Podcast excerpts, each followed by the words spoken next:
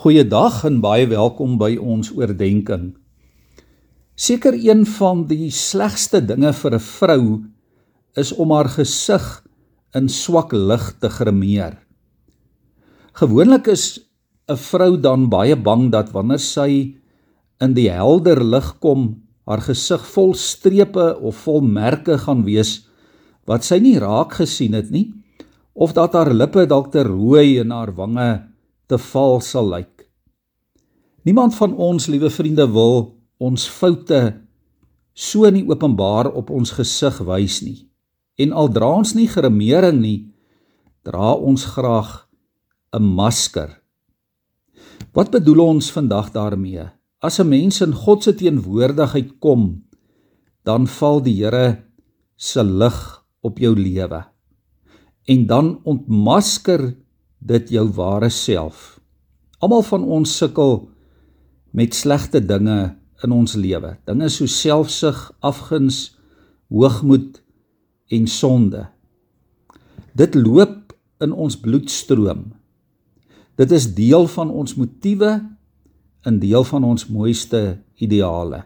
Dit was NP van Wyk Lou wat in sy gedig Ballade van die Bose geskryf het. Is jou wese se ondergrond.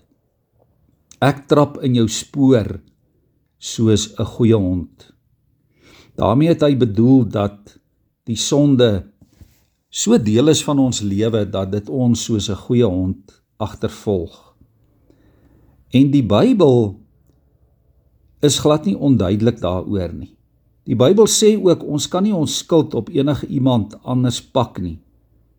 Adam het dit daar aan die begin probeer doen en dit het nie gewerk nie. Dit is vir niemand lekker om sy of haar eie sondigheid te erken nie.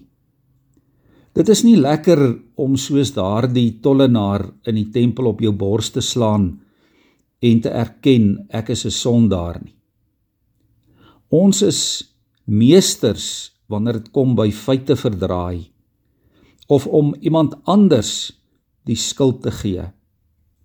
Omstandighede kry ook baie keer die skuld. Ons sien onsself dikwels as die slagoffers van dinge wat teen ons gedraai het. Maar voor God kan ons onsself nie verontskuldig nie. Ons kan onsself nie bluf nie en ons kan die Here ook nie bluf nie. Sonde beteken ook nie dat ek maar net 'n paar dinge in my lewe verkeerd doen nie. Dit is ook so dat ons nie sonde het nie, maar dat ons sondig is. Ek kan nie maar net probeer om beter te wees nie. My hele lewe moet verander en nuut word. Ons moenie ons eie diep verlorenheid onderskat nie. En daarom pas verontskuldigings en ontkenning nie in ons gebedslewe nie maar vir ootmoediging en belydenis dit pas wel in ons gebedslewe. Ek kan nie bid met 'n masker op nie. In God se lig word alles blootgestel. Ja, wanneer jy en ek in gebed naby God lewe, dan het ons hierdie wonderlike geleentheid om met God te praat ook oor ons skuld. God wat iets daaraan kan doen. Soos ons in Jesaja 1 vers 18 lees, nooi God ons wanneer hy sê kom tog, laat ons die saak met mekaar uitmaak, sê die Here. Al was julle skarlakenrooi van sonde, julle sal wit word soos sneeu. Al was jy purperrooi, jy sal wit word soos wol. Vandag moet ons self, elkeen vir onsself vra, watter afstand is daar tussen my en God en wat is dit wat daardie afstand meebring?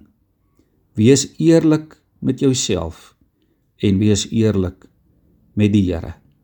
Watter rol speel selfsug in eie geregtigheid dalk ook in jou mondering?